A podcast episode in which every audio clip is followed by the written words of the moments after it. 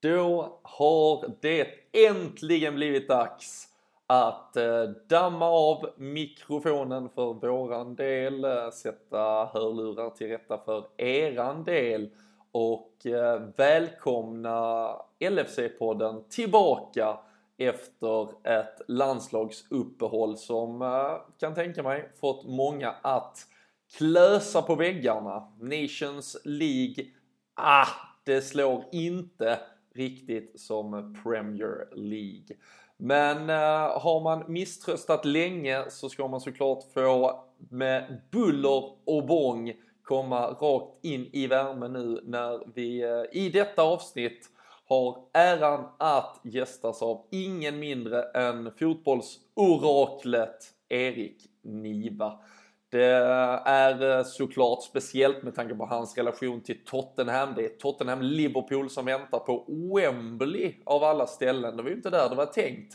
Det ska vi såklart prata med Erik om och mycket annat blir det. Det blir lite generellt Premier League-snack hela säsongsinledningen här och eh, hans tankar kring det här Liverpool-laget som Jürgen Klopp nu ganska snart exakt har lett i tre år. Eh, börjar ju faktiskt med att han tog över inför en match här på höstkanten 2015 mot just Tottenham.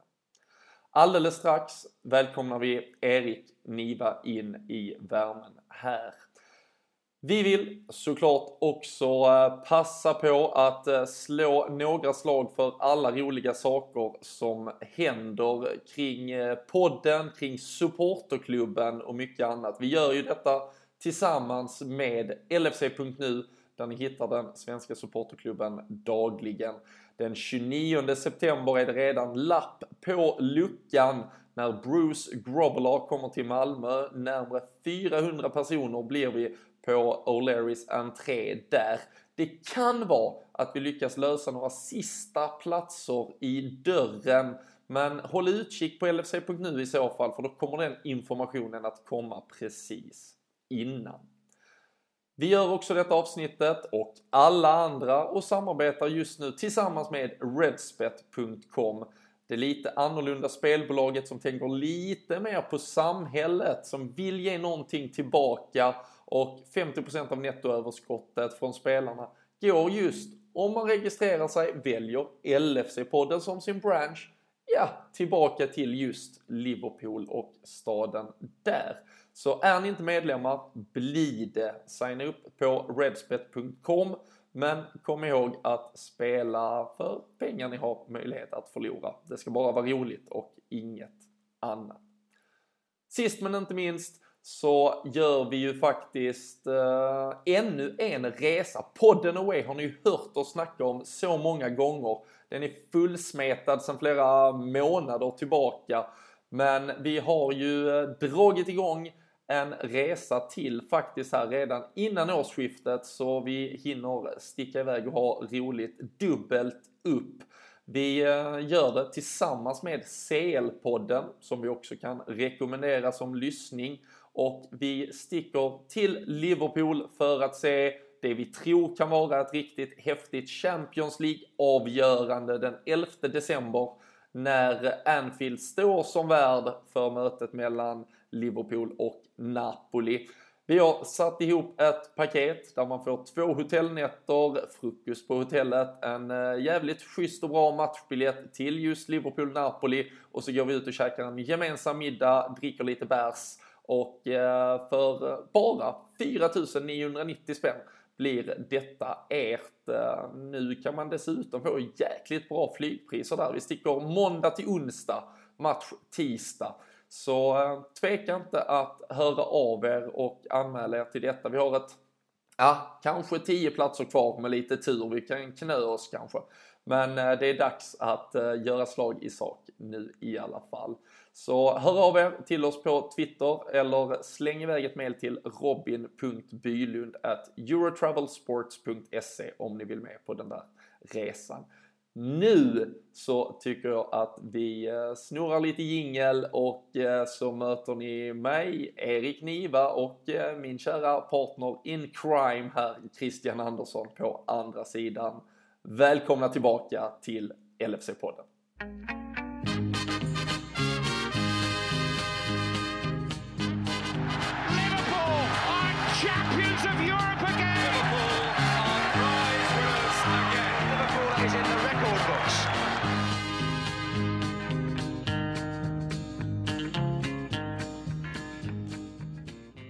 Jajamensan, då eh, sitter vi här på andra sidan gingen och jag har fått eh, fint och trevligt sällskap i form av Christian Andersson och Erik Niva.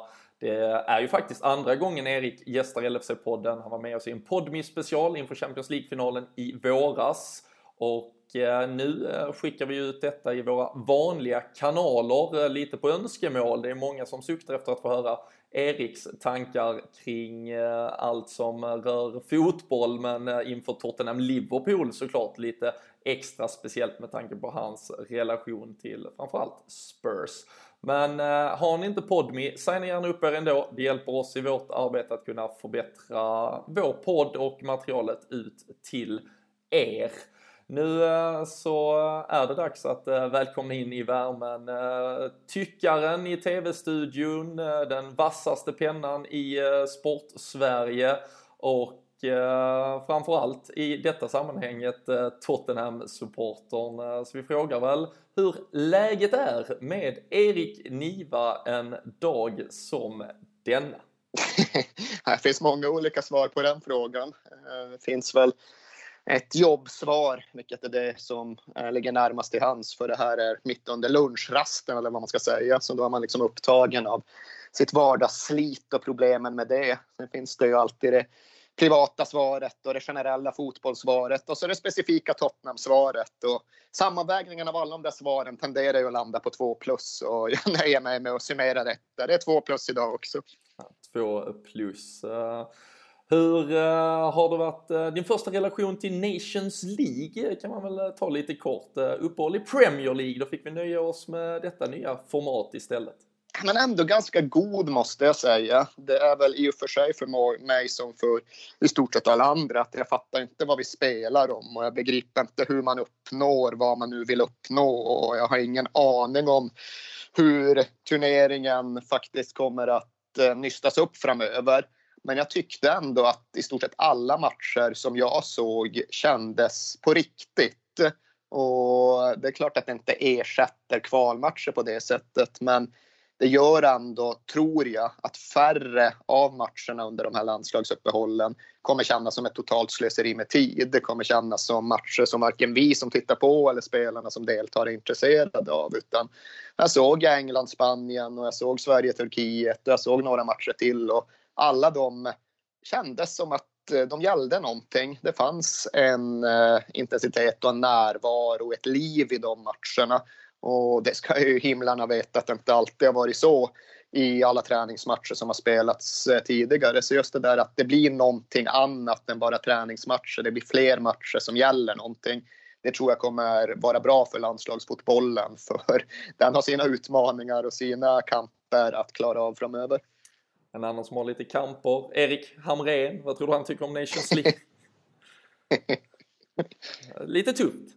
Var den där första matchen en tävlingsmatch eh, när de förlorade med 6 nere i Schweiz? Eller var det träning? Det... Jag tror ju... Var det Nations League också? Ja, jag tror det var Nations League. Jag vill påstå. Ja, nej, så... Nej, det är ju tragiskt. Alltså. Ja, men det kan nog fan vara så, för de körde med ordinarie lag båda och de bytte inte sönder matchen, så det tyder nog på att det var Nations League. Och, ja, jag vet inte exakt då vad detta innebär. Kommer Island nu flyttas ner till en annan pott som konsekvens eller vad händer? Men ja, nej. Någon form av tvångsdegradering. Ja, nej, rätt man på rätt plats ibland och Erik Hamrén på Island vid andra tillfällen. Det kändes fel när nyheten kom och det känns ju jävlar i mig inte mindre fel idag. Nej, det vore väl eh, en, en överdrift eh, att eh, påstå något annat. Christian Andersson också varmt välkommen in i värmen. Vi har diskuterat landslagsfotboll till förbannelse nästan vad gäller vår relation till dessa uppehåll, men hur är läget idag? Ja, nu äntligen är landslagsfotbollen över och Premier League väntar runt hörnet. Jag är ju inte något så stort fan av just landslagsfotboll. Även om såklart vill att det ska gå bra för Sverige och så, så tycker jag att det är en lidelse att gå och vänta på Premier League-fotbollen. För det är en skön känsla eh, med fotboll från England och den skulle egentligen kunna få vara varje helg istället för att det är uppehåll eh, lite då och då. Hur gick det för era boys i landslaget? Jag noterade med stor frustration att den brasilianska förbundskaptenen tydligen är fullt på kurs med vad Jürgen Klopp vill och vilade alla Liverpool-spelare. Men var det något övrigt som var notabelt med Liverpool-spelarnas landslagsveckor? Egentligen inte, väl ganska försiktig vecka som du säger. Titte spelade alla tre Liverpoolspelarna Liverpool-spelarna i första matchen. Fabinho som inte har använts i, ja, knappt i matchtruppen i Premier League än så länge. Han fick en eh, match från start som högerback där, men sen eh, var Klopp bönhörd eh, inför andra mötet här och i övrigt ganska fördelaktiga situationer. En Jordan Henderson som inte behövde spela jättemycket, fick ju hoppa in lite här i den sista matchen för England bara. Trent Alexander-Arnold istället för eran Trippier fick uh, ju spela från start i det engelska laget men han fick gå ut, alltså inte slitit jättemycket på Liverpool-spelarna. Harry Kane däremot, ja han kunde de inte låta bli att vila helt och hållet. Han skulle in och, och göra sin halvtimme. Ja.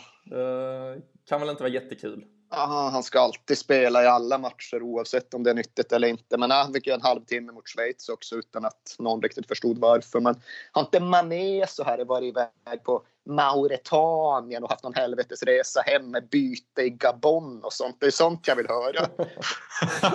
jag tror fan, var det inte Madagaskar eh, de kryssade mot? Eh, var något skit om det? Alltid tuff bortamatch på Madagaskar. Och annars eh, var det ju en Sala som eh, gjorde eh, två mål men kostade på sig att, att missa två straffar. Men bara att han han spelar för det egyptiska landslaget är väl, ja, det har, det har sina eh, historier också. Men har varit lite politiskt turbulent där i alla fall, att han kom hem och är söndersliten av sin relation till det egyptiska förbundet. Ja, nej, verkligen. Kan du, orkar du redogöra lite på Erik Niva-vis kring Mohamed Salahs sommar och tjetjenska äventyr? Eh, ska jag göra det? Eller ska Christian? Ja, nej, men visst, eh, det kan jag gärna göra. Det, jag satt faktiskt och funderade på det för typiskt nog när inte våra spelare blir ivägskickade på landslagsuppdrag så lyckas de ju ta med fan hamna i turbulens ändå. För det som verkligen är grejen just nu med Tottenhams landslagsuppehåll är att Lucas Moura, trots att han då inte är med i den brasilianska truppen, har hamnat i berättigat blåsväder. Jag vet inte i vilken utsträckning ni följer med den brasilianska inrikespolitiken. Ja, men det var väl, eh, var det inte någon så här eh, Donald eh, Trump, kanske extremvariant till och med, som han var ute och stödde nu i... Ja, det räcker nog uppriktigt sagt knappt för den här presidentkandidaten som det handlar om, Jair Bolsonaro, vill jag minnas att han hette. Han är ju ännu mer extrem än en Trump-figur. Han är ju, ja, men jag tror inte ens han skäms för att kalla sig fascist. Han är ju en politiker som förespråkar diktatur, som lanserar någon form av kandidatur som i praktiken består av en militärkupp och en utrensning som fort han i så fall får makten och är oerhört explicit i sin homofobi och i sin Eh, skräck för allt som inte är högerkristet. Och det här har då Lukas Mora vid upprepade tillfällen gått ut och backat. Han är ju så polariserande den här politikern så han blev ju knivhuggen på ett väldigt allvarligt sätt vid ett av sina kampanjmöten för bara en vecka sedan eller så. Och det är klart att det är ingenting som eh, enar nationen. Det är ju någonting som pekar på hur otroligt infekterat och kontroversiellt allt runt brasiliansk politik är. Så att då Lucas Moura på ett tydligt sätt eh, går ut och väljer sida, väljer en sida som inte går att beskriva som något annat än den onda sidan. Det känns ju bara jävligt deppigt och jävligt nedslående och egentligen som en större sak än något som gör att man ska sitta och fundera på hur det påverkar hans sportsliga prestationer. Men det gör man ju ändå. Men hur, uh, hur är, vad är den första känslan kring, är det att han uh, faktiskt till 100% förstår vad det handlar om? Med all respekt för vissa fotbollsspelare så ja. är det ju inte att hissen går hela vägen upp och då kastar de ur sig något som inte är jätteklokt och det ska man ju såklart ändå få stå till svars för. Men verkar han ha förståelse och faktiskt en genuin sympati ändå för detta eller är det att han skjuter lite snett här?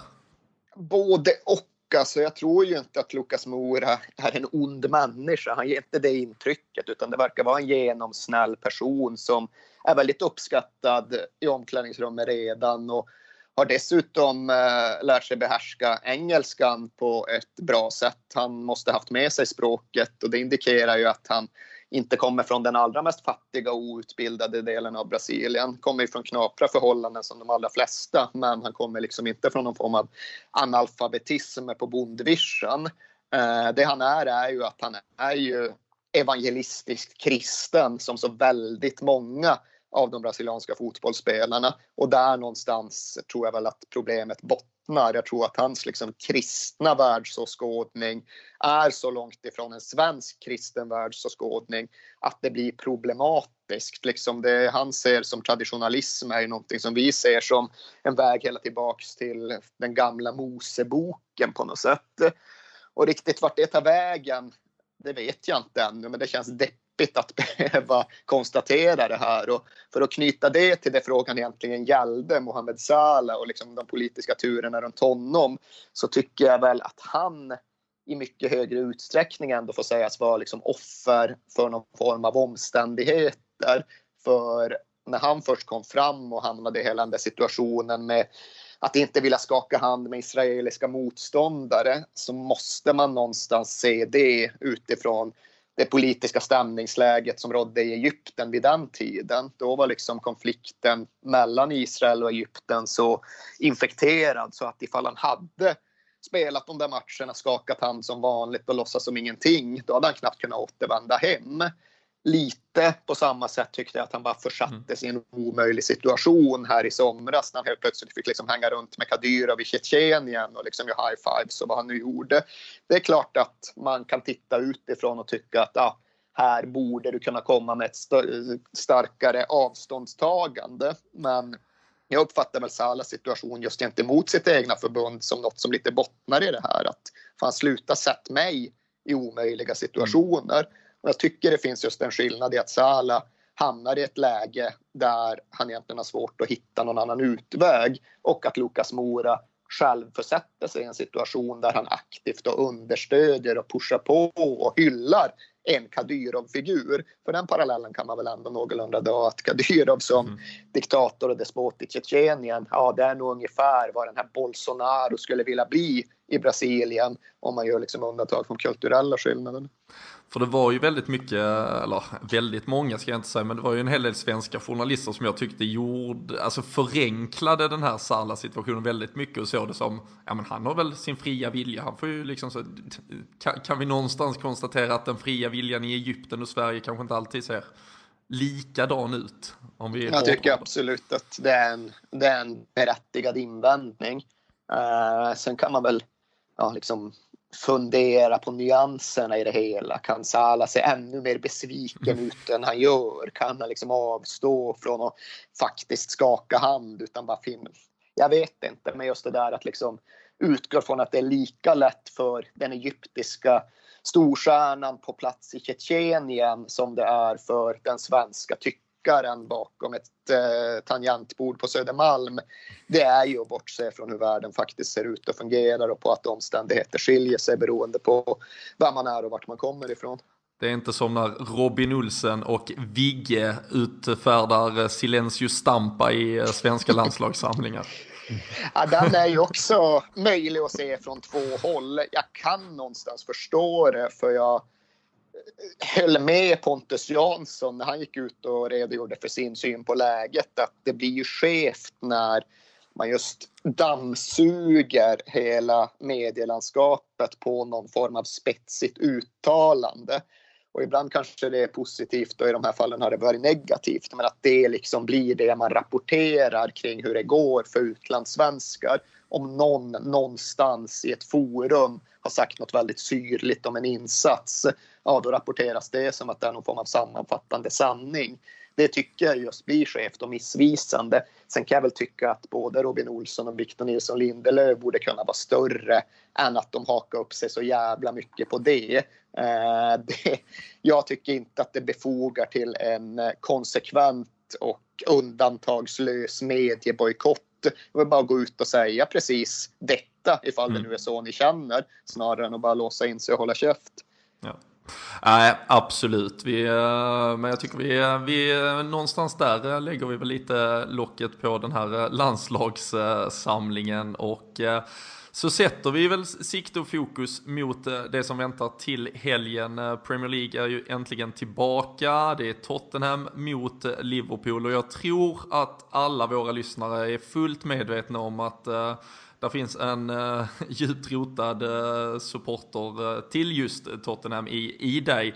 Erik, eh, kan vi få lite kort eh, liksom, eh, bakgrundsfakta kring hur hela Tottenham-kärleken eh, en gång i tiden eh, föddes och nådde de nordligaste breddgraderna i Sverige? Mm, det är ju en konsekvens av tips extra. Det är ju sammanfattningen. Sen kan jag ge en liksom intellektualiserad och rationell förklaring som det kanske finns ett korn av sanning i, men som egentligen inte är giltig. För då pratar jag någonstans om Tottenham Hotspurs aura. Att eh, vi heter Hotspur snarare än City eller United och vi spelar i vitt snarare än rött eller blått och vi hade minsann långhåriga dribblers i mitten av 80-talet när alla andra bara hade snaggade terriers. Att det liksom skulle finnas någonting i klubbens karisma som lockade mig som sexåring. Och kanske, kanske, kanske att det finns ett visst mått av sanning i det. Att det fanns ändå något som stack ut lite grann. Och det fanns ett faktum där liksom Tottenham var lagom bra. Vi var ungefär som vi är nu uppriktigt sagt. Vi var, vi var inte där, men vi var thereabouts. Vi var inte så bra som Liverpool som alltid vann allting. Det är en sån klubb går inte att hålla på. Men vi var inte så helt hopplösa heller så att det kändes som att det aldrig skulle kunna bli något. Men i grund och botten tror jag faktiskt bara att det var slump. Jag var sex år gammal och en lördag eftermiddag var jag tydligen mer mottaglig än andra lördag eftermiddagar. Jag har ett så ögonblicksminne av att vår belgiske joker Nico Kläsen kommer in som avbytare och punkterar någon 3-0 match genom att bryta in från högerkanten och chippa målvakten. Eh, och det minns jag för att det var liksom den dagen, den matchen som jag mer eller mindre medvetet blev Tottenham-supporter. Jag vaknade upp morgonen som, efter som Tottenham-supporter och jag vaknade upp likadant 10 000 månader efter. Fantastiskt. Och hur har uh, sen det här supporterskapet uh, sett ut genom åren? Det brukar stötas och blötas i sina ups and downs. Mm. På, på nära håll, på långt håll. Hur har du liksom låtit det forma dig upp i ditt vuxna liv?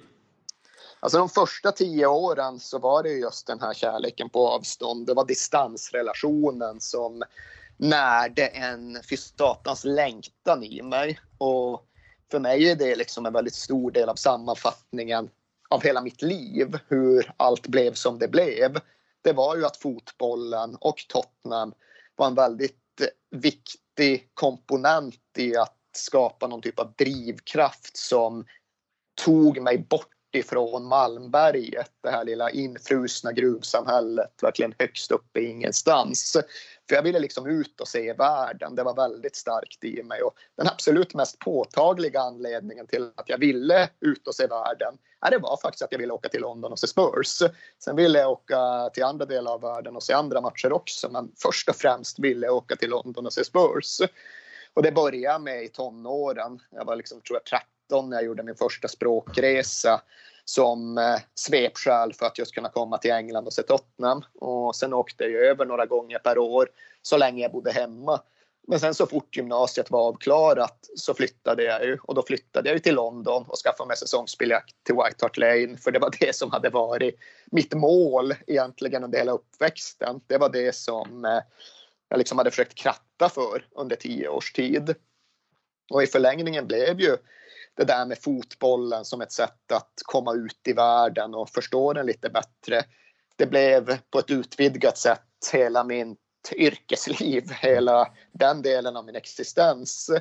Och det påverkar väl på ett sätt relationen till Tottenham, men jag har alltid försökt vara ganska militant i att inte professionalisera den för mycket. Jag vill inte gå och se Tottenham som en del av ett jobb, för då tror jag att jag skulle riskera att sticka hål på den här liksom magiska bubblan som fortfarande är så jävla viktig för mig. Och så som det har blivit så ska jag väl erkänna att de senaste liksom, fem åren, Pochettino-åren, Harry Kane-åren, jag vet inte fan om jag någonsin har varit lika engagerad i Spurs som jag varit under den här tiden. För jag har aldrig någonsin tidigare känt lika starkt för en upplaga av Tottenham. Det är verkligen precis vad jag behövde i precis rätt tid. För vi har ganska sällan legat i linje med hur jag rationellt ser på fotboll. Vi har liksom inte någonsin varit klubben som jag egentligen tycker att man ska vara. Jag tycker att man ska vara en liksom lilla resurssvaga gruvstadsklubben som slåss mot oddsen med egna produkter. Och det har vi ju aldrig varit. Vi har ju varit den rika överklassklubben med en förvriden självbild kring berättigande. Liksom. Vi har alltid tyckt oss förtjäna mer än vad vi egentligen har spelat ihop till. Men nu har vi någonstans blivit just det där som jag någonstans alltid har baserat min egen fotbollssyn på. Vi har blivit klubben som gör saker och ting på rätt sätt, som bygger en kärna underifrån och nerifrån och på så sätt utmanar de som borde vara mycket bättre för att de har mycket mer pengar. Och det har varit fantastiska år, men det finns absolut en ganska stark fruktan i mig kring vad som händer när den här eran är slut.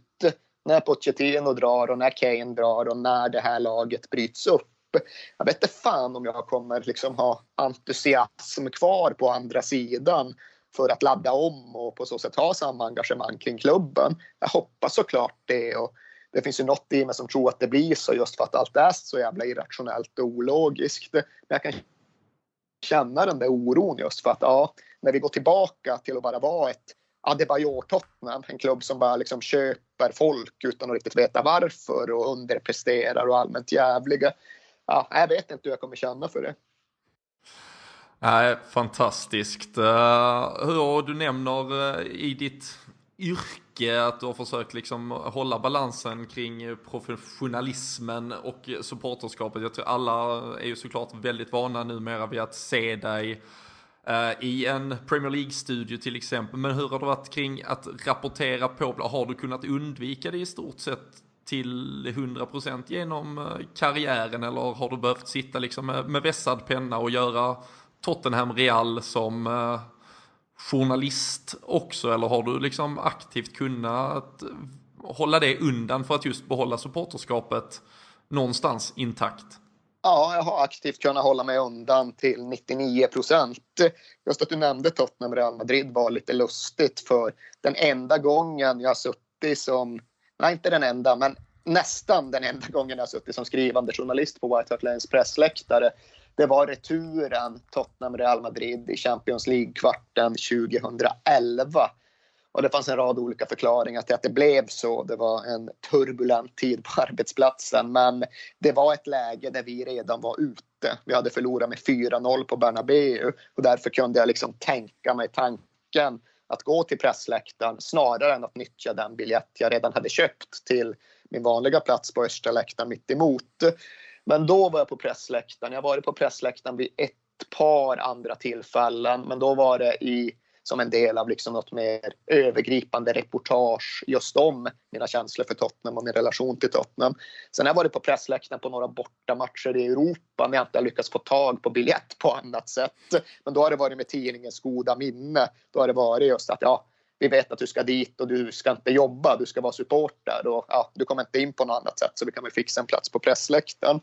Men som sagt i 99 procent av fallen så har jag kunnat undvika det rent fysiskt. Jag har inte behövt vara i tjänst på White Hart Lane eller på Tottenhams matcher utan det enda som har varit är just det här tv-gigget när jag sitter i Stockholm och ser Spurs på tv och sen förväntas kommentera kring det. Mm. Hur, eh, hur ser det ut där, förlåt Christian du ska få komma in eh, alldeles, hur ser det ut eh, i den där tv-studion när Tottenham spelar om det hade varit en Erik Niva-cam? Är det 45 eller 44,5 minut okontrollerat supporterskap och sen djupa andetag och sen prata fotboll i en kvart i pausen? Väldigt nära den situationen faktiskt. kommer inte, jo just det, vi pratade inför Champions League-finalen senast. Jag kommer inte mm. ihåg om vi gick igenom det stormiga vårmötet på Anfield mellan Liverpool och Spurs. Men då var det i alla fall en sån situation. Jag kommer ihåg det för när, när Salah gör 2-1 där på stopptid runt Ben Davis och Fertongen och avgör matchen som det känns.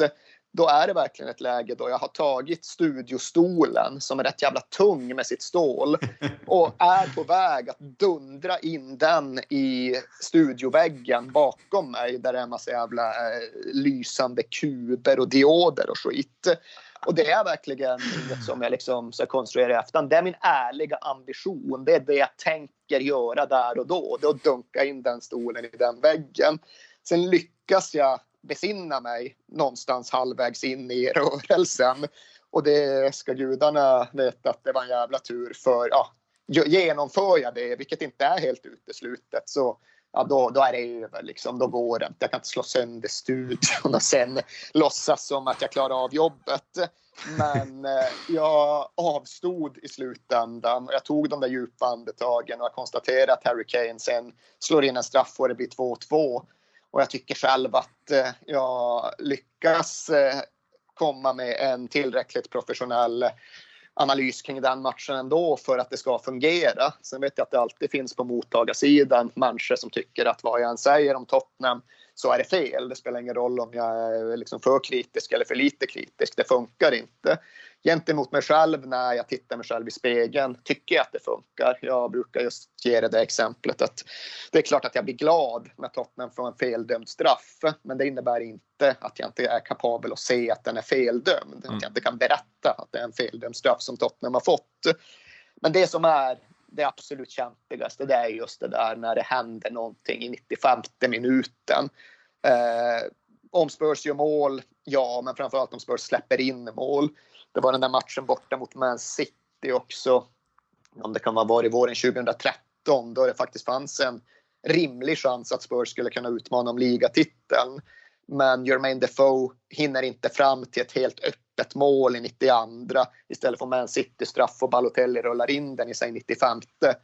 Och så över till studion.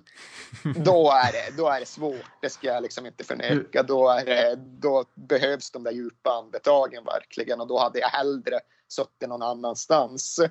Men även om Tottenham är en jävla schizofren berg och dalbaneklubb så är det inte varje vecka det blir ett avgörande i 95 minuten. Och så länge jag slipper det så tycker jag själv just att gentemot min egen yrkesroll och mitt eget supporterskap så tycker jag att det funkar. Jag tycker att det går ihop.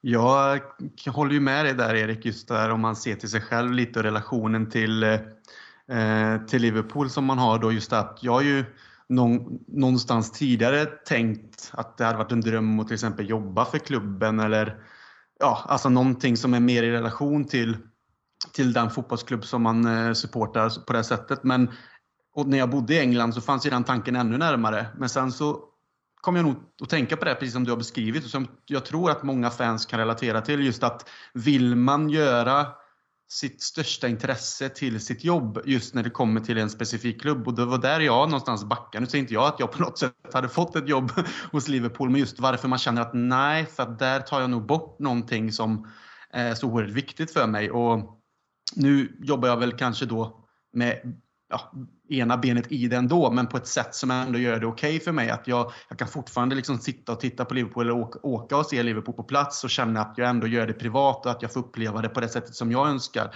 Jag tänker lite de här, när du åker över och tittar, så är det någon specifika tillfällen, upplevelser och minnen som du har som, som alla fans bildar med sina egna klubbar som, du, som sticker ut för dig som gör att ja, men du blir nostalgisk liksom och det här gör att kärleken är så pass stor till Tottenham för dig. Har du någonting som du kan berätta där som är verkligen speci speciellt?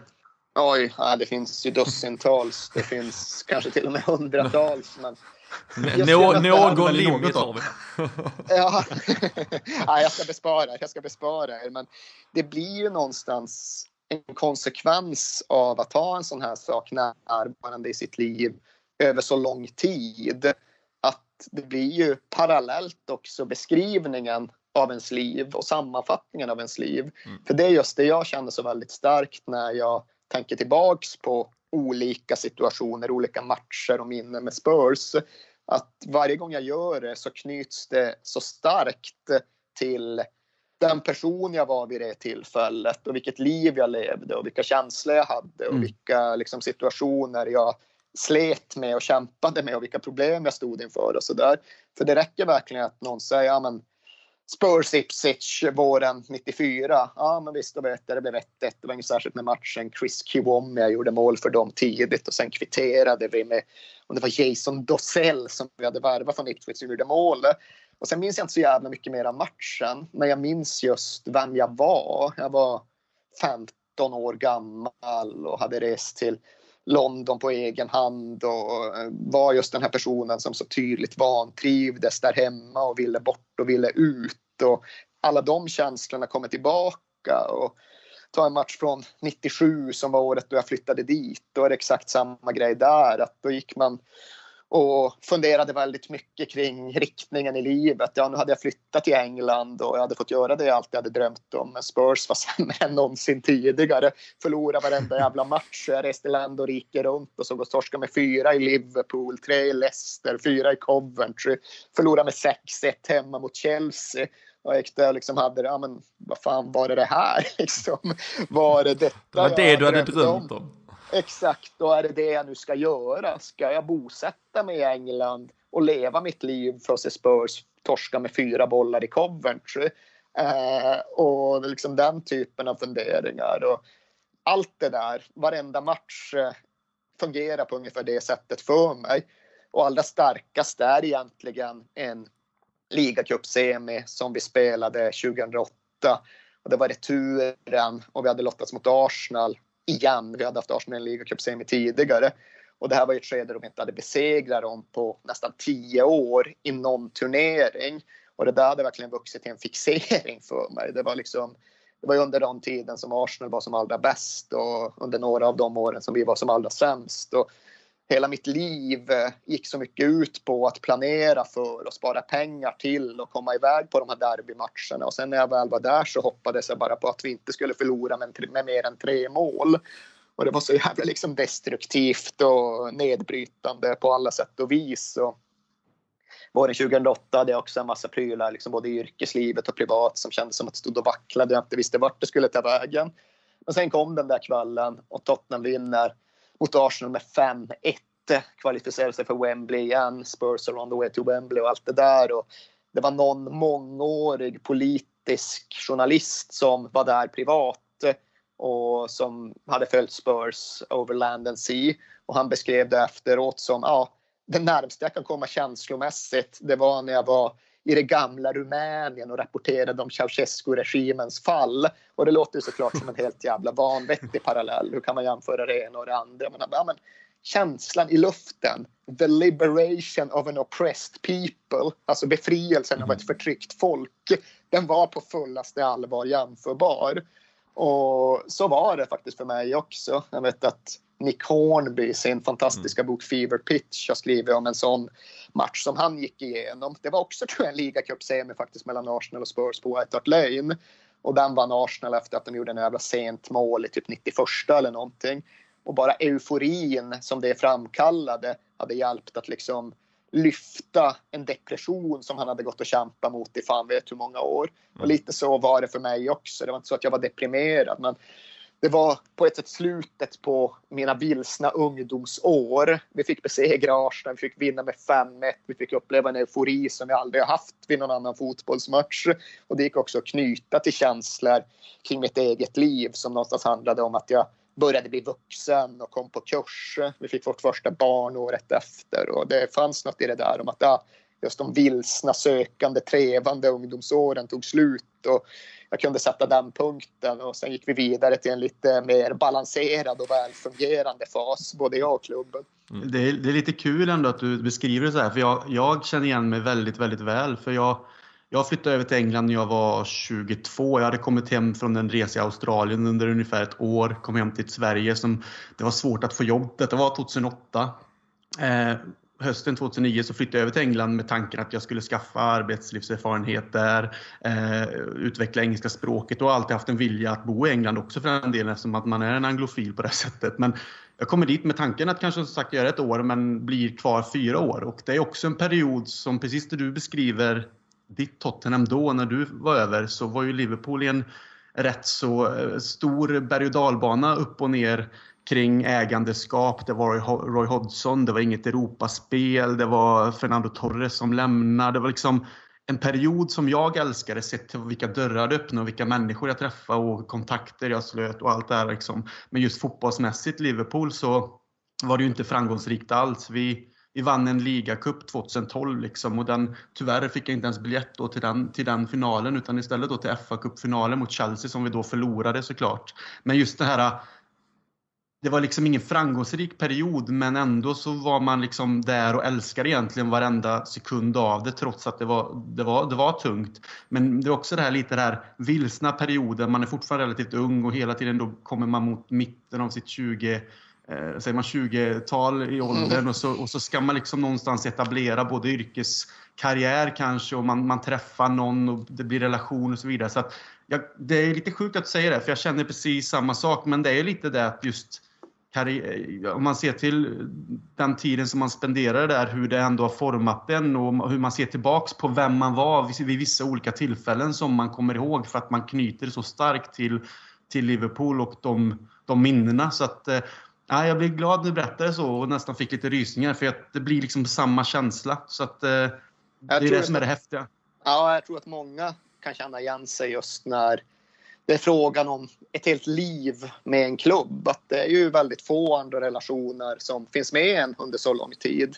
Ens förhållanden tenderar att ta slut snabbare och brytas och gå över i något annat. Och ens relation till både ens föräldrar och senare ens barn eh, är ju annorlunda efter säg 18 år när barn flyttar hemifrån än de är under den tiden man bor hemma. Men den där relationen till klubben det är på många sätt konstant även om det också följer med just i livets upp och nedgångar och berg och dalar. Och ett tag hade jag det där också att jag började ifrågasätta hur sunt det var utifrån någon känsla av att ja, men, blir det så att jag låter Tottenham styra mitt liv och hur jag mår och hur jag känner. För jag vet att det har funnits den diskussionen inom annan populärkultur, inom så här liksom popmusik och grejer. Att ja, men vad fan, när man sitter hemma och lyssnar på en massa gamla deppiga singer-songwriters hela jävla dagarna, gör det så att man själv blir deppigare, att man börjar tycka synd om sig själv. Och lite så blev det med Tottenham också. Det här liksom bara, ah, is life shit because Tottenham shit? Or is, liksom vad fan, hela den prylen. Just att börjar jag må sämre för att Tottenham må sämre eller är usla, då kanske det inte är helt jävla lyckat. Men det tror jag i alla fall att jag är ute ur nu. Det är ju alltjämt så att det påverkar mig för mycket dagen efter en förlust är sämre än dagen efter en seger och så borde det väl kanske inte vara att man låter just hela dygnet styras av ett jävla fotbollsresultat. Men det är i alla fall inte det där att jag liksom går runt och känner nere i ett helt jävla år för att Tottenham slåss mot nedflyttningsstreck under Christian Gross. Men så var det ju 97-98 liksom. Det var ett skitår och när jag tänker tillbaka så befarar jag faktiskt att en alldeles för stor anledning till att det inte var något bra år, det var att Tottenham spelade dålig fotboll. Och det är ju över gränsen, liksom. så kan man inte ha det. Jag tror eh, dock att eh, både jag och Christian och säkert många som lyssnar här eh, kan känna igen sig lite och, och framförallt, jag tror våra respektive framförallt kan, kan instämma annars. har du också den här problematiska delen i det där supporterskapet att som du nämner, en förlust skapar ju en uh, otrolig bedrövelse, men en vinst är lite mer bara en djup, uh, liksom ett djupt andetag och inte så mycket glädje egentligen. 100 procent. Sen har jag i och för sig det karaktärsdraget uh, i livet generellt att så länge allt går större. bra så är det bara, det är liksom bara, då är det bara Exakt, okay. det är som det ska vara liksom. Mm. Men ja, så fort det är något som inte är som det ska vara så blir det en mycket större sak. Men det är ju också tydligt det att det är nackdelen med att faktiskt ha en konkurrenskraftig klubb. På sitt sätt var det jävligt skönt att bara sluta 11 varje säsong. För även om det födde någon form av så konstant frustration så var det inte den här liv eller död-känslan inför varenda jävla omgång. Så som ni kommer ha hela den här mm. säsongen så vet ni ju liksom att ja, men, förlorar ni typ en match så innebär det ju att Man City seglar iväg. Och vinner ni en match så är det bara okej, okay, bocka mm. på listan 37 kvar. Och det är ju liksom helt jävla Det är så jävla uselt egentligen. ja, mycket bättre att spela för att hänga kvar. Vinner man eh, tre matcher på tre månader så är allt, allt i sin ordning. Det är på kurs. Eh, det är lätt lättare att få, få ordning på tillvaron utifrån de förutsättningarna. Jag läste faktiskt, nu ska jag inte, jag vet inte exakt var jag hittade den, men jag läste någon studie, det är någon som hade forskat kring vilket lag eller vilken typ av lag som egentligen är bäst att hålla på just för humör. Alltså det är nästan ett sånt här jojo-lag som kanske är uppe och liksom vinner Championship då ja, tre gånger på en tioårsperiod, sen gör någon succésäsong i Premier League. Alltså du får mycket mer positiv liksom så här, känsloeffekt av det än vad du faktiskt får av att då, som man säger, oh det hade varit så lätt att hålla på Barcelona eller ett, eh, ett Manchester City och så vidare. För egentligen, man får inte ut ett skit av det, det kan bara gå åt helvete. mardrömmen egentligen, det är ju lite motsägelsefullt nog det jag nyss nämnde som något ganska behagligt. Men det där att sluta 11 hela tiden. För så som det har blivit med Premier League av idag, så som det har blivit med väldigt mycket toppfotboll av idag, så finns det så jävla många klubbar som just fångas i det där vakuumet, den där hopplösheten där man ja, egentligen är väl för bra för att åka ner. Spurs har sällan varit riktigt nära att åka ner sen jag började hålla på dem. Men där det kanske också känns helt jävla ouppnåeligt att vinna någonting eller ens nå Champions League. Nu har ju till exempel Nej, inte till exempel, nu har Spurs, punkt. Det är den enda klubben som utan oligark eller shejkpengar på något sätt ändå lyckas bryta sig ur det där vakuumet i mitten av tabellen. Men jag kan någonstans känna att liksom hålla på Everton av idag, så en klubb som jag på väldigt många sätt kan dra paralleller till Tottenham genom det skulle vara så jäkla tröstlöst. Kanske ännu värre en klubb ett steg ner i hierarkin. Nu åkte Aston Villa ur och det tror jag faktiskt just i förlängningen kan vara bra för dem. Inte bara för att bygga om klubben men för att ge lite innehåll i deras supportrars liv. Men mm. det där att liksom hela tiden sluta typ 10 i Premier League utgå från att man är för bra för att åka ur men ändå inse att det är helt hopplöst att åstadkomma något. Det måste ju över tid vara det mest nedbrytande och det måste ju vara det som i förlängningen gör att folk slutar engagera sig i fotboll. För så länge det ändå känns som att nu är det a wild ride här, nu är det en berg och dalbana och det kan sluta lite hur som helst. Antingen vinner Liverpool ligan, Champions League eller så slutar ni femma. Antingen så går Sunderland upp igen eller så åker de ner till tredje divisionen. Det ger ju ändå liksom den där nyfikenheten som gör att man fortsätter bry sig. Men det där gå in i varje säsong och känna att ja, men, vi blir väl 11 år igen. Det är som Newcastle. Jag skulle precis säga det. Komma ja, 14 och så har Mike Ashley som ägare. Ja, nej, exakt. De har ju varit ur några gånger. Och jag tror att ser man tillbaks på Newcastle-supporterna senaste tio år så misstänker jag att de gånger de har haft riktigt kul, där har de varit på väg upp ur Championship mm. Men väl uppe i Premier League, just leva det här Mike Ashley-livet. Så jävla själadödande. Mm. Och det fruktar just att det finns en risk för att Tottenham sjunker tillbaks ner i också på andra sidan på Coutinho och Kane-eran. Mm. Jag tänker lite det Leicester gjorde, att många klubbar och supportrar kanske först och främst tänker att vi kanske kan göra en Leicester. Det har liksom blivit en, någonting som vi pratar Newcastle, de här klubbarna, kan Leicester göra det så, så kanske det finns en liten gnutta, tänk om det blir en sån där säsong och det är nästan det är nästan så att det någonstans eh, skapar fe felbedömningar ja, i huvudet. Liksom. Och ja, men det är det jag menar. Men ändå att det finns kanske en sån att tänk, vi skulle ja. ändå kunna göra det. Jag ser Watford nu som har gått fullt liksom. Det, alltså, någonstans kanske supportrarna ja, tänk om vi, tänk om vi kan göra Leicester, för det har ju blivit ett begrepp. Ja, nej, men jag köper det och jag hoppas det och jag vill minnas att jag liksom pratade på just det sättet om det redan när det hände. Att det här har liksom det var ett mirakel som gav hela elitfotbollen 20 år av liv ytterligare. För nu kan man i 20 år framöver just peka tillbaka och säga att ja, men kunde Leicester så kan ju i stort sett vilka alla andra första divisionsklubbar som helst. Och jag fattar fortfarande inte att det hände, för jag trodde det var totalt uteslutet. Jag skulle säga att det liksom var så här en chans på hundratusen. Jag begriper inte att det kunde ske, men värdet av det är just att fans som annars kanske just hade fastnat i den här jävla hopplösheten kommer kunna fortsätta lura sig själva i 20 år. Och de kommer ju sluta besvikna, för det kommer aldrig hända igen. Men så länge man ändå bara kan ha kvar drömmen, liksom falsk eller ej, så tror jag att eh, ja, men det, det räddar hela grejen. För när drömmen försvinner och när just hopplösheten tar över helt, och jag befarar verkligen att fotbollen är på väg åt det hållet där hopplösheten blir större än drömmarna för de flesta. Då är det någonstans slut och över. Men Leicester förlängde den där illusionen med 20 år och trots att det drabbade Spurs den våren så är det nästan så att jag kan tugga i mig det av bara den anledningen. Mm. Vi eh, tar oss väl mot eh, helgen nu också kanske med, eh, med det bakom oss och sätter sikte här på då Tottenham mot Liverpool. Christian nämnde ett Watford som har gått fullt just på er bekostnad senast, annars hade ni ju också inlett med tre raka segrar, de tre första, slagit Newcastle, Fulham, Manchester United i, eh, på tal om Lucas Moura, en eh, väldigt mm. imponerande insats. Eh, sen då en, en förlust på Vicarage Road. Men innan vi tittar på det rent fotbollsmässiga här så var ju matchen nu här mot Liverpool var ju också det som var satt som någon form av markering för att nya White Hart Lane skulle invigas. Eh, men eh, så blir ju inte fallet utan det blir Wembley som gäller och eh, tyvärr väl som Tottenham-supporter för ett tag framåt faktiskt.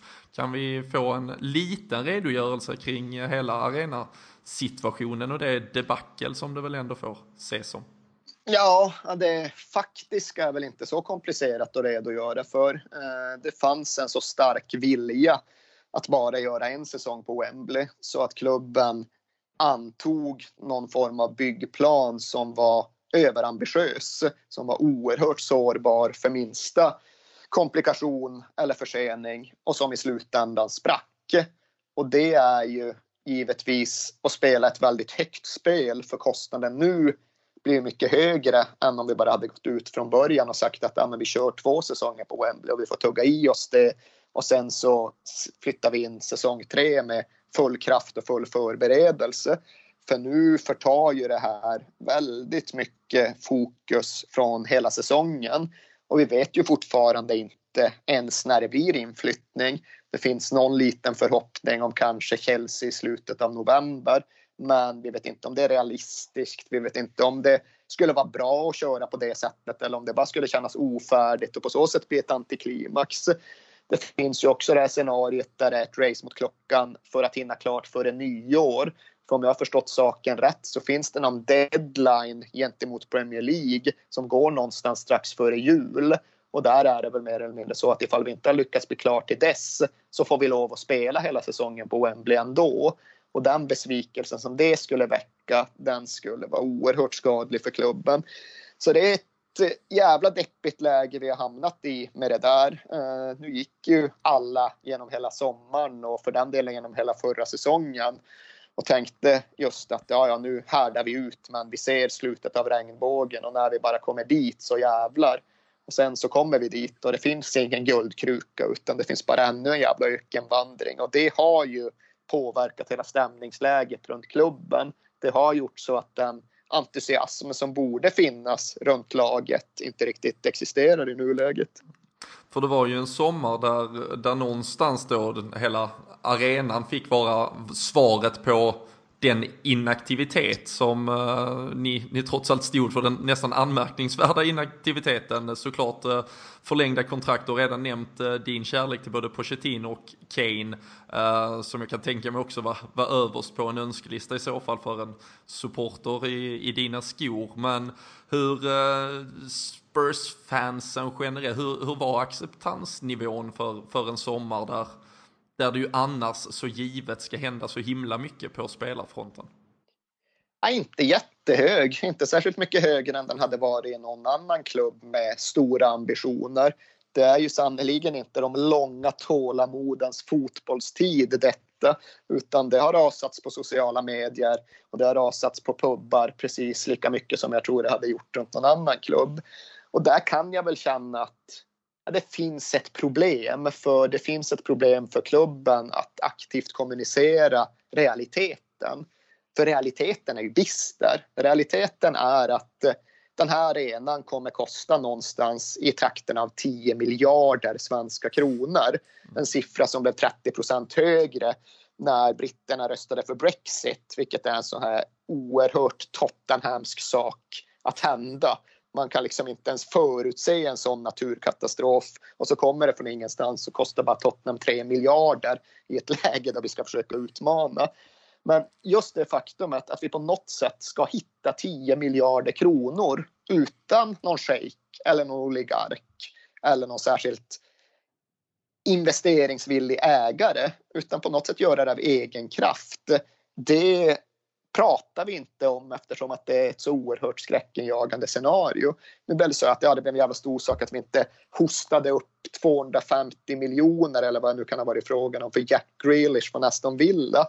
Men det är ju verkligen skitsamma sett ur den stora bilden. Liksom 10 miljarder kronor.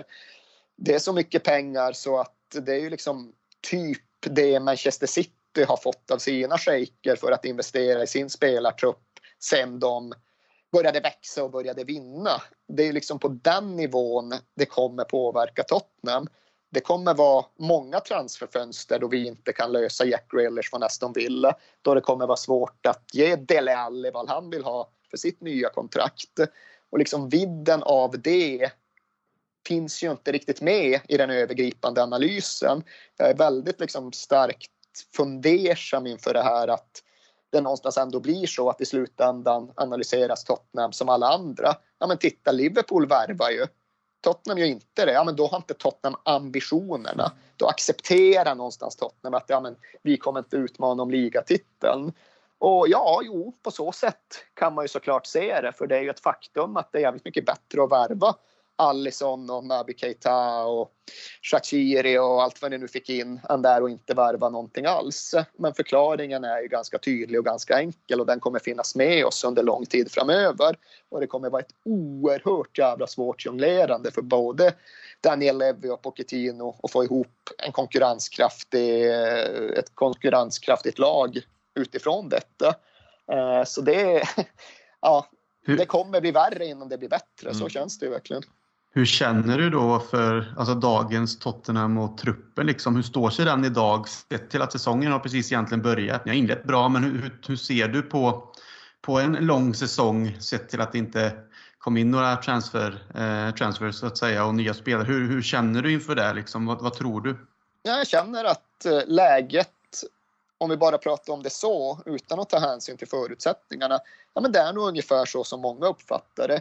Det är ett jävligt bra lag. Det bästa Tottenham-lag jag någonsin sett. Men det är ett lag som hade behövt eh, någon förstärkning, någon injektion, något mått av ny energi och entusiasm för att på något sätt eh, boosta hela klubben. Det är ju ganska exakt så som Liverpool har haft under sin sommar. Det är det som hade behövts för att Tottenham hade förvand kunnat förvandlas från en klubb som verkligen får kämpa för att bli topp fyra till att faktiskt ha en realistisk chans att utmana om ligatiteln. Och det är klart att jag önskar att vi hade kunnat vara den klubben. Men förklaringen till att vi inte är det, det är ju inte att Pochettino inte vill värva, att vi tror att vi inte tror på att skaffa nya spelare, utan det är ju det faktum att vi är ekonomiskt bakbundna. Mm. Och jag tror att vi kommer vara bra den här säsongen också. Jag tror att det kommer vara någonstans i närheten av eh, de föregående åren. Det finns goda förhoppningar om att vi kan komma topp fyra, vilket alltjämt är en jävla överprestation. Och det är beundransvärt hur liksom Pochettino och laget tycks behålla fokus. Men det finns ingen realistisk möjlighet att vi ska vinna ligan. Och det kommer vara en säsong då hela turbulensen runt arenan påverkar hela stämningsläget. Så jag tror verkligen att vi kommer stå efter säsongen och försöka få ihop analysen på ett sätt som kommer bli jävligt svårt att landa till Tottenhams fördel. Det kommer ju bli hela den här att ah, de har fortfarande inte vunnit några bucklar. Det går inte för spelare att vara kvar när klubben inte matchar deras ambitioner. Det kommer bli gnissel vid kontraktsförlängningar. Och det kommer i förlängningen just leda till att risken för att den här upplagan, det här laget som jag gillar så mycket och har investerat så jävla mycket känslor i, riskerar att brytas upp.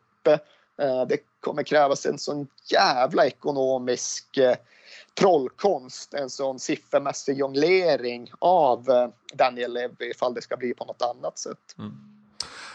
Som vi nämnde lite tidigare så är det ganska exakt tre år sedan Jürgen Klopp tog över Liverpool nu. Uh, 17 oktober 2015 gjorde han debutmatch mot just Tottenham borta och vi tog fram... 0-0. Precis, eh, ganska tragisk tillställning i övrigt. Men så tittar jag lite på Liverpools startelva. Uh, vi ska komma till Tottenham sen, men Mignolet i målet, uh, Klein, Sako, Skertel, Moreno, uh, Lucas Leva, Emre Can, James Milner, sen Philippe Coutinho, Adam Lallana och Divock Origi. Ehm, högst troligt bara James Milner som startar igen nu, ett år senare, eller tre år senare förlåt. Och Tottenham startelva däremot, eh, jag ska inte kräva att du drar den eh, by heart här, men Hugo Lloris, målvakt. Uh, Kyle Walker visserligen, sen var det Toby Alderweireld, Vertongen, Danny Rose, Dembélé, Dyer, Lamela, Eriksen, Chadli visserligen, Harry Kane, men rent potentiellt skulle det kunna vara nio av elva spelare som, som startar mm. igen tre år senare. Eh, det är ju såklart någonstans den, den, kritiska här pekar ju på att ni inte har förbättrat er eh, eller förstärkt. Eh, men någonstans har ni heller inte tappat någonting. Men hur känner du kring det? Alltså det jag förstår det är ju det här Pochettino-laget du har förälskat dig och det är det här ni har byggt upp så länge. Men var kommer gränsen gå tror du kring att nu måste denna generationen ta nästa steg eller just vinna någonting? Innan det faktiskt börjar hända att fler och fler trillar av från den där, eh, ja från truppen helt enkelt. Ja, nej, jag tror ju som jag antydde tidigare tyvärr att den gränsen riskerar att bli den här säsongen. För eh, jag älskar det faktum att vi fortfarande har kvar nio spelare från den startelvan. Jag tror på kontinuitet och jag tror på lojalitet och jag tror på att den måste gå i två riktningar. Det kan inte bara vara så att supportrarna kläver av laget. Laget har i någon mån rätt att kräva det tillbaka också.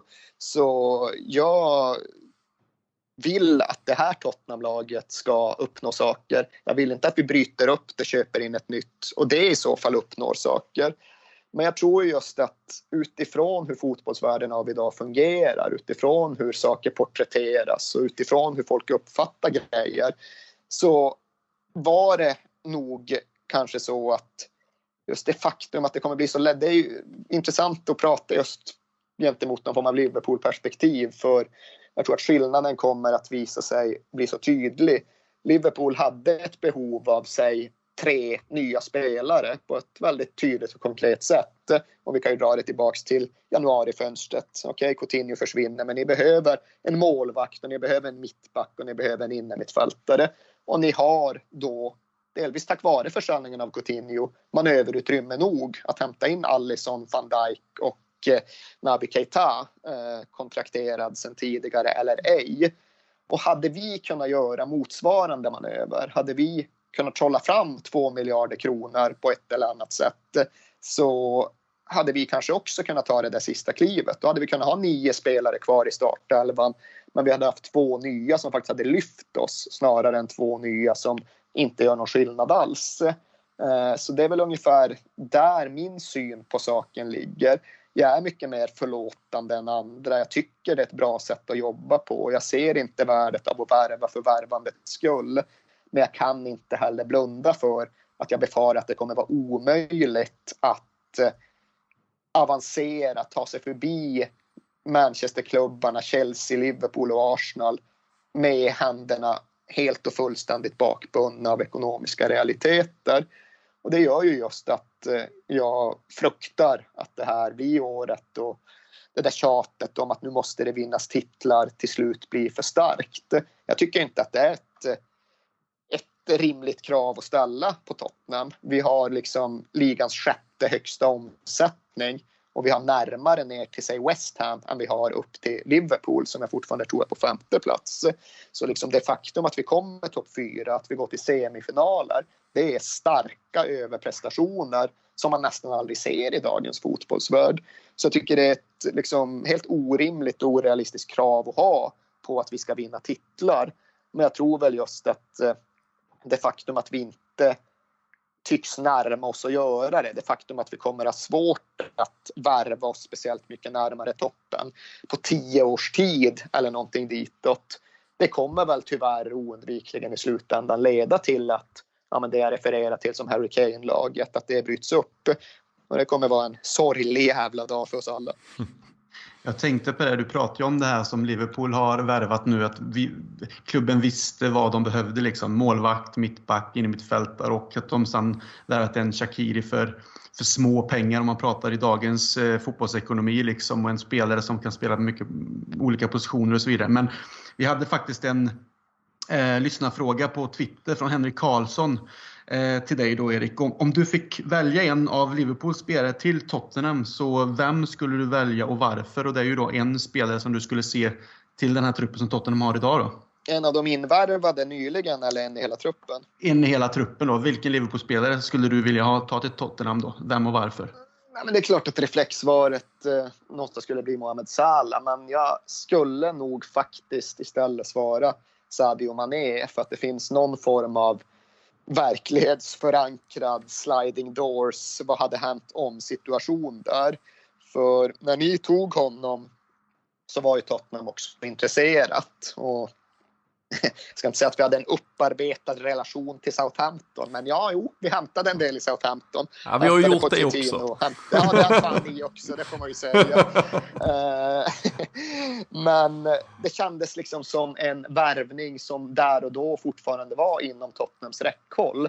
Och Pochettino hade pratat en hel del om att ja, men vi behöver den där spelaren som kan spränga linjer sista tredjedelen. Vi behöver någon med liksom kraft och fart och spets. Och ifall vi skulle ha fått Sadio Mané så tror jag att han hade utvecklats på samma sätt hos oss som han har gjort hos er. Jag tror att Pochettino hade gjort jävligt stora grejer med honom. Och det är just den typen av spetsspelare som hade kunnat göra skillnad. Hade vi fått honom, ja då kanske vi hade kunnat vinna ligan det året som Chelsea vann den. Även om de på något obegripligt sätt vann varenda jävla match under Conte den första våren så kanske vi hade kunnat vara lite närmare dem och sätta högre press och skapa ett annat mentalt läge tidigare. Uh, istället tog vi in Moussa Sissoko och jag ska inte ens gå in på hur frustrerad och nedslagen det faktumet gör mig. Ganska men exakt det... samma prislapp dessutom så det exakt, gör ju exakt. Ja, allting ännu bättre. Ja, vi fick inte Mané. Okej, okay, ja, men vad tar vi in då, då för att fylla Pochettinos kravbild? Ja, Moussa Sissoko. Ja, det är så jävla deppigt och det är baksidan med Daniel Levis vilja att vänta in på deadline-dagen med att göra sina, sina drag och manövrar. Eh, men på så sätt kan jag just känna att ja, hade vi fått Mané och nu är det omöjligt för vad skulle han kosta idag? En dryg miljard någonting mm. och det går inte att värva mellan toppklubbar i Premier League ändå. Men hade vi fått honom i det läge där det någonstans fortfarande fanns en titel inom räckhåll där inte Pep Guardiola hade börjat ta 100 poäng med Manchester City. Ja, då kanske det hade gjort hela den där skillnaden som är så svår att, att nå på något annat sätt. Mm.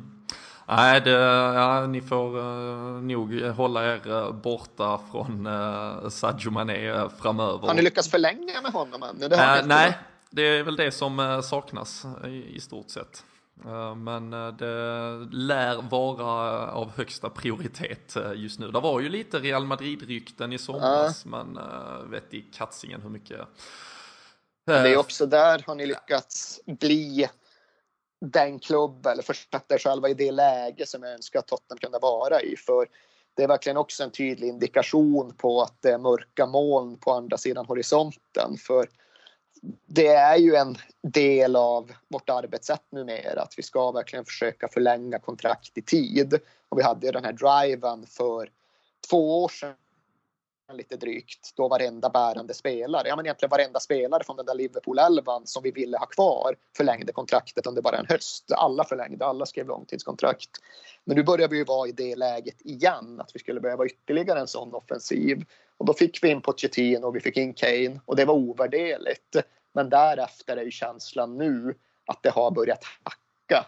Det finns inte tillräckligt med pengar, det finns inte tillräckligt med övertygelse från de bärande spelarna för att vi ska kunna bocka av spelare efter spelare under hösten. Aldevereld vet ju alla att det är problematiskt med. Fertongen går in på sitt sista år även om det finns en option. Eriksen har inte kommit med någon förlängning. Dele Alli har inte kommit med någon förlängning. Och även det är liksom indikationer på att ja, mm, två år framåt i tiden vette fan medan ni just lyckas säkra upp alla på långtidskontrakt och skapa den där känslan att ja, ge oss bara två år framåt i tiden så jävlar. Mm. Ja men det känns lite så, alltså det är ju en situation, Liverpool har ju levt i den i väldigt många och det här med att ett par spelare hinner någonstans bli världsklass innan hela laget hänger med och blir det. Eh, Coutinho nådde egentligen en nivå för högt innan laget hade följt med i samma liksom eh, tillväxt. Eh, Luis Suarez gjorde det före honom och så vidare och det är ju någonstans kanske en Christian Eriksen som också är på väg att ta det där sista steget känns det som och gör inte Tottenham det så riskerar han ju också att kanske fastna i den där ja, funderingarna. Ja, kring. Absolut, och det är ju svårt som fan också för jag tycker ju verkligen att vår första elva skadefri och på maxvarv den är fan inte mycket sämre än någonting annat i. Ja, i hela Europa. Så det finns, det finns typ åtta klubbar där jag räknar in Liverpool som jag tycker är mer eller mindre jämnstarka vad gäller slaget om säger Champions League. Tycker inte det är så stor skillnad på Real Madrids och Liverpools och Juventus startelvor längre. Och jag tycker Tottenham är faktiskt väldigt nära att vara där, men vi är inte riktigt det. Och då är det ju återigen just det här att vad skulle krävas för att vi skulle lyckas ta den där sista, sista eh, språnget upp och fastnar åt det, ja men då köper man spelare som kanske kostar lite mer än man har tänkt sig. Trekvarts miljon för van Dijk och så vidare och så vidare. Och vi har inte det. Vi, vi måste försöka få Jack Grealish och komma till underpris och utveckla fram honom till en världsspelare på nolltid. Och, ja, det, det, det, är inte mycket som talar för att sånt ska kunna lyckas när man möter sig med liksom Pep Guardiola som köper Riyad Mahrez lite på skoj att på bänken. 600-700 miljoner ja. när han redan har ett 100 poängslag. Nej, där, eh, den, eh, den vägen har vi redan vandrat och tyckt och tänkt eh, kring hela sommaren här under transfer fönstret. Eh, vi, eh, vi kan väl eh, snabbt någonstans, vi har redan snackat på ordentligt här, men vi får inte glömma matchen som stundar. Vi hade fått en fråga här också och jag tycker den är ganska att man känner av den från alla håll. Kan, framförallt, nu kanske vi är lite fördomsfulla, men från Tottenham så att det är ganska mycket Tottenham som har börjat bygga upp någon form av rivalitet mot Liverpool. Uh, jag vet egentligen inte alls var den skulle komma ifrån. Jag vet inte alls om du känner igen dig personligen. Jag känner det precis exakt motsatt. Mm. Jag känner det exakt motsatt, att det finns en bild hos många Spurs-anhängare, däribland jag, att det just bygga, börjar byggas upp någon i grund och botten socialt medialt driven och det är ju något annat än riktig rivalitet men mm. just någon social medial rivalitet som jag uppfattar bottnar i vårmatchen. Ni fick för er att Harry Kane dök för att få en straff. Ni fick för fick er att... för oss, ja. ni fick för er att... Eh, jag vet inte riktigt vad ni fick för er. Ja, det, var ju du, ja, det var väl egentligen domarinsatsen alla var ganska uh, upprörda över tror jag. Ja, men efter det har ni fått någon hang-up på Tottenham i allmänhet och Harry Kane i synnerhet. Det var ju också den där fixeringen kring att Salah skulle vinna skytteligan och Stoke borta huruvida Kane touchade bollen eller inte när Eriksen slog inlägget. Så jag upplever jag upplevt ganska starkt just att jag liksom inte fattar den grejen med att det finns en stark Liverpool-dragning att snacka ner just Harry Kane och i förlängningen Spurs under det senaste halvåret. Jag upplever inte alls detsamma från Tottenham-håll men det har förmodligen att göra med vem man är och var man tittar ifrån och vad man därifrån ser. Ja, du följer inte Ledley Kings knä på Twitter hör jag här helt enkelt. ja, det gör jag faktiskt inte, men jag är medveten om vilka de är. ja, nej, men, nej, men jag tror, den, det jag, jag tycker, jag tror, är man mitt i det som, som jag ändå upplever mig själva vara ganska ofta vad gäller den där eh, sociala mediebiten så, så är den nog, den har nog inletts med väldigt mycket egentligen glimten i ögat eh, kring att eh, jag tror att den inbitne både Tottenham och Liverpool-supporten kan känna igen sig i att vi är någon form av liten underdog till några av dem, då, om vi ska kalla dem de stora för att de har mest pengar i alla fall. Och... Jag speglar mig i Everton, Liverpool som sagt för mig är titelmaskinen från 80-talet. Jag kan absolut inte, jag känner ingen samhörighet på så sätt, det gör jag inte. Nej, det, det, man ska nog en generation efter dig helt enkelt. För ja, att eventuellt... jo, så är det nog. Finna den. Men uh, vad, uh, vad går du in med för ingångsvärden till uh, lördagens match? då är det ju titelgiganten och utmanaren Liverpool, den stora röda maskinen som kommer till Wembley mm. nu, lägger ner med 11 man i straffområdet och försvarar med näbbar och klor. Alltså vi gjorde ju nästintill det i höstmatchen förra året, den vi till slut vann med 4-1. Ja, nej, alltså grejen var att vi hade ju då tre, fyra matcher då vi spelade på ett sätt som vi aldrig annars har gjort vare sig förr eller senare under Pochettino. Det var Liverpool hemma i ligan, det var Dortmund hemma och Real Madrid hemma i Champions League där vi verkligen stod lågt med väldigt många spelare och sen ställde om på gräs. Och det visade sig att det funkade ganska bra mot ett Dejan Lovren-lätt Liverpool den dagen. Men vi har egentligen inte spelat så någonsin igen, i alla fall från nyår och framåt. Så jag vet inte fan om det är rimligt att tro att vi återvänder till det, men det ska ju sägas att jag är alltid negativ. Min ärliga känsla, och det är ingenting jag koketterar med, men min ärliga känsla är alltid att Tottenham kommer förlora. Om vi så möter Rochdale i FA-cupen så befarar jag förlust. Så jag går alltid in i alla matcher med fruktan. Det gör jag ju den här gången också. Det gör jag ju både av irrationella och rationella skäl tycker Liverpool har sett precis så stabila ut som ni hade hoppats på. Ni har ju lyckats med det där att ja, ni vinner även när ni spelar dåligt och så vidare. Medan Tottenham uppriktigt sagt inte har gjort någon speciellt bra säsongsinledning prestationsmässigt. Poängmässigt helt okej okay, trots fallet i Watford. Men egentligen fler poäng än vi har spelat ihop till. Det har funnits den där känslan av att ja, det är något som inte riktigt stämmer. Det är inte maxvarv. Och huruvida det är någon form av spillover från allt det här med arenan och klubbens framtidsutsikter och värvningsbrist och så. Eller om det bara är något fysiskt på grund av att så många var borta i VM så länge. Det mm. vet jag inte. Men Tottenham har inte spelat särskilt nära vårt max. Och Liverpool känns som att ja, men, ni behöver inte ens upp till ert max för att ni ändå ska vinna. Så Ja, men, det är ju, jag är orolig, det är ja, absolut. Du, du nämner det själv här nu med tanke på VM-spel. Ni hade ju en, en Harry Kane, en uh, Dele Alli, Fartongen, uh, Hugo Lloris såklart, Trippier, Nio Dyer. spelare i semi liksom. Ja, och det kunde ju ett Manchester City ha också, för de hade ju nio till som satt och liksom gjorde ingenting eller vad som helst. Och så har de 30 gubbar som kan slåss om platserna. Men du har redan nämnt er i, i förväg ganska tunna trupp. Nu startar kuppspelet, Champions League går igång. Uh, ni har ju inte sparat på krutet vad gäller en uh, Harry Kane utan ni gick ju in med... Uh, jösses. Vad tror du? Kan det liksom uh, smälla? ja, nej, men det som krävs är ju att eller pratar du om den specifika matchen eller pratar Nej, om det är lite mer risk, generellt. Den generella implosionsrisken. Mm. Grejen är också att truppen är inte fullt så tunn som man ibland kanske befarar, men vi har inte haft någon vidare tur med skador. Vi har haft det där som jag vet att ni har haft tidigare genom åren, att så fort någon haltar av en match så är det fyra till fem månader borta. För så var det verkligen förra året. Att till att börja med var ju Lamela fan borta i 18 månader och han är ju användbar som truppspelare. Wanyama missar så gott som hela förra säsongen på grund av sin skadebild. Harry Winks samma sak. Och vi har liksom inte råd med den typen av långtidsskador på våra bänkspelare. Ifall vi bara har en hyfsad skadesituation så då är inte truppen så jävla tunn ändå. Det är inte så att vi står och faller med en skada, men vi får inte få för belastat eh, omklädningsrum. Sen finns det ju verkligen ett jävla problem med det där du berörde, att Harry Kane har inte sett rätt ut på ett halvår. Han vann skytteligan i VM utan att vara den riktiga Harry Kane.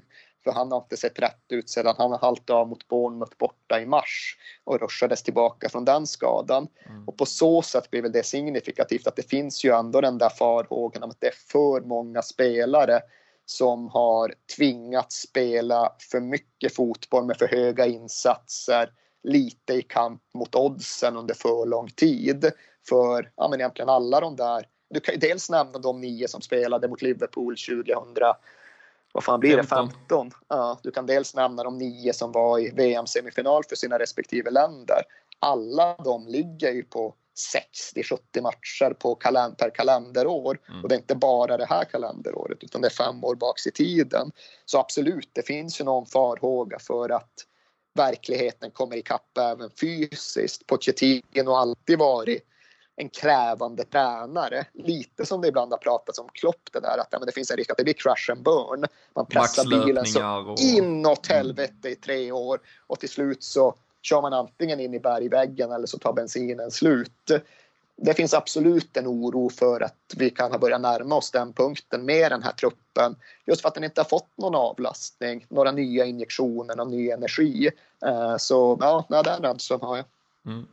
Och eh, om vi tar väldigt eh, aktuellt då inför just eh, lördagens match. Det har varit lite, jag vet eh, Dele Alli lämnar landslagssamlingen men det ska väl vara eh, vad jag har förstått ändå som att han är redo till helgen. Hugo Lloris eh, stod väl över eh, både er senaste match och även eh, landskamperna här. Har du någon eh, status på, på, på, några eventuella avbräck som vi, som vi kan utnyttja?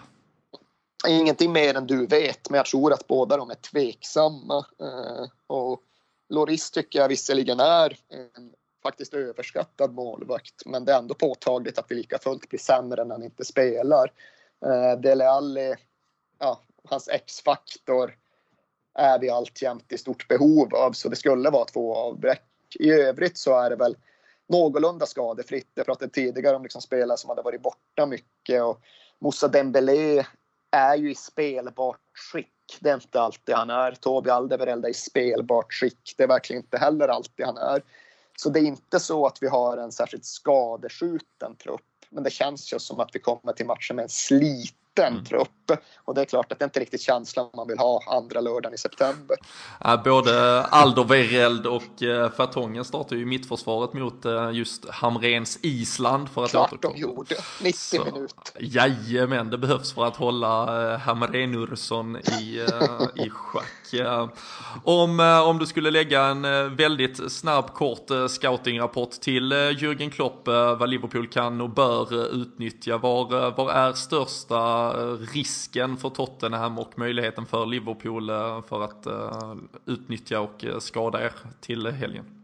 Ja, nej, men det är ju ingen särskilt unik analys. Det är väl egentligen samma som alla lag med stora ambitioner men ändå inte riktigt Pep Guardiola stort grundspel har när de möter Liverpool. Det är lite samma som när Roma hade er i Champions League och ja, när vi också har gått upp mot er föregående säsonger.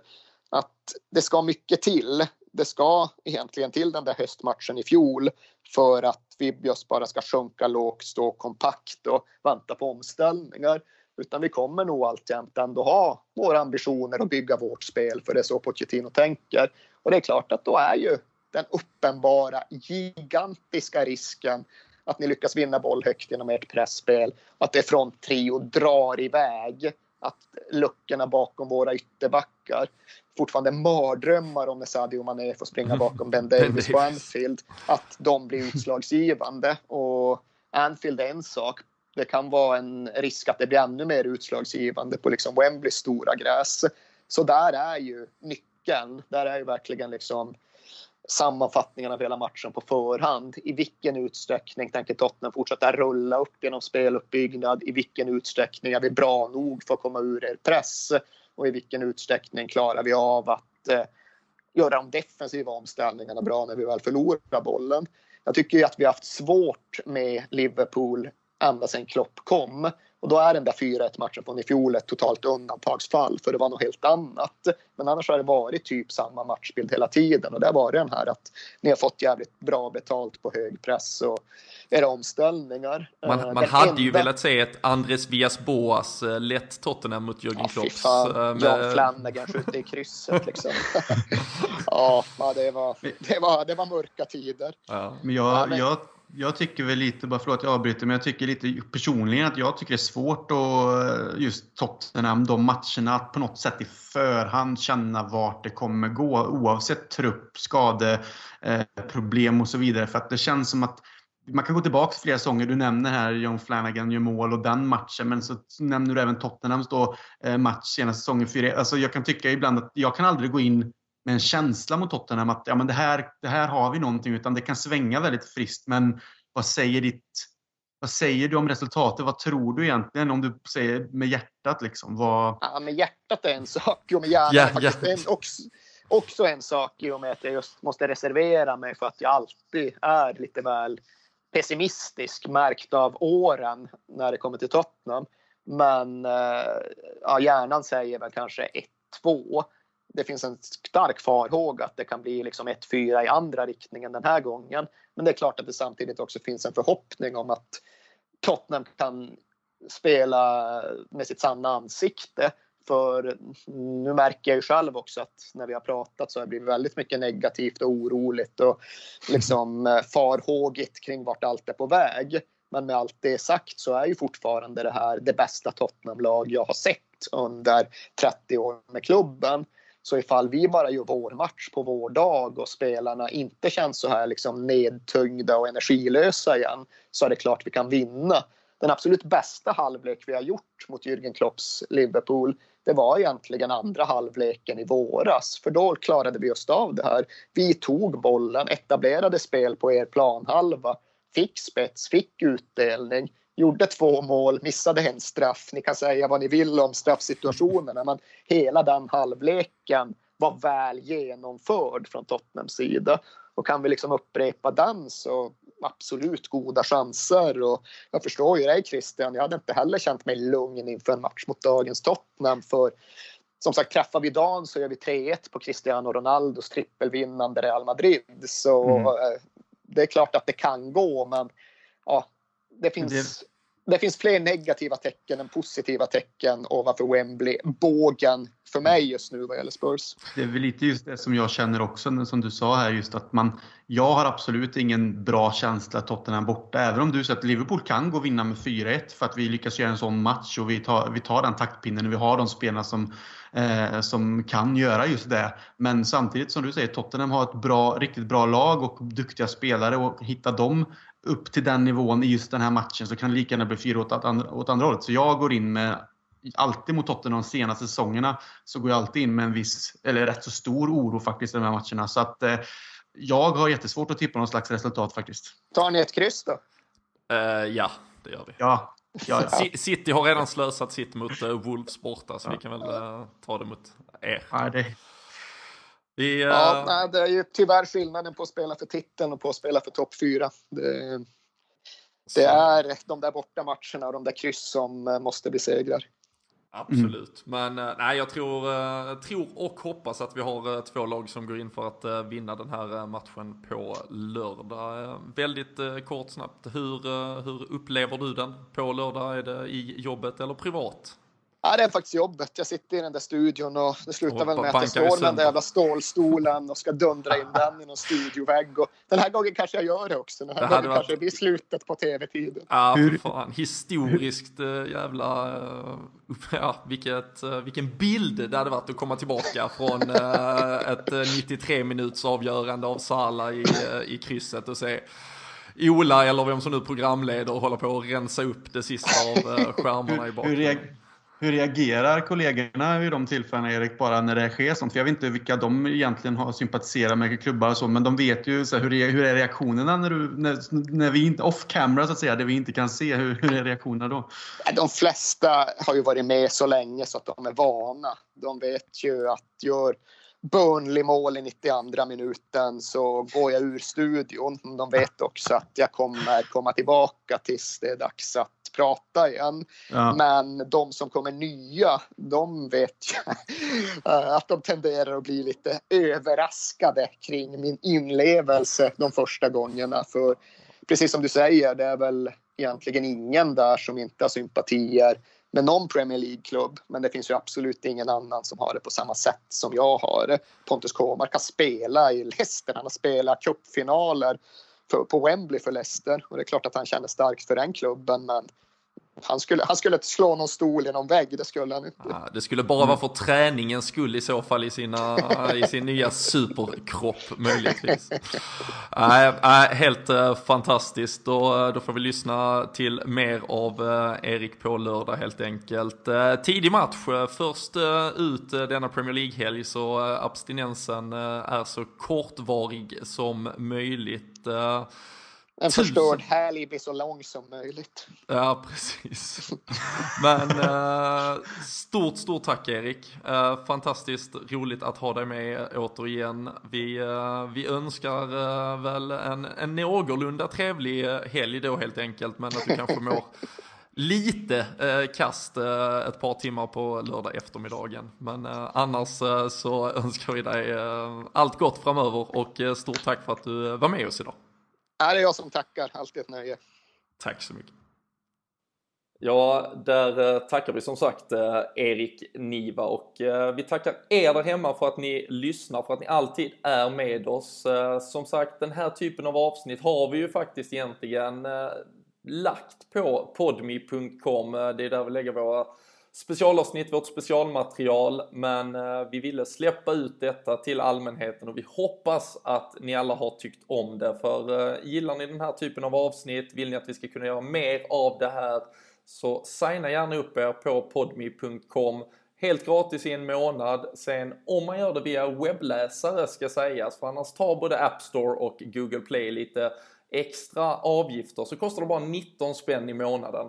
In, knappa podmi.com, signa upp er, följ oss där så får ni den här typen och massa andra härliga spännande avsnitt eh, serverat i telefonen. Sen kan man plocka hem appen podmi.com då och ladda in alla avsnitt därifrån, både gratis och premiumavsnitt. Så eh, är ni inte medlemmar, bli det gärna. Det hjälper oss att kunna bli ännu bättre. Med eh, det så tackar vi för nu och så tar vi stort sikte mot eh, helgens match och önskar er en fortsatt underbar vecka.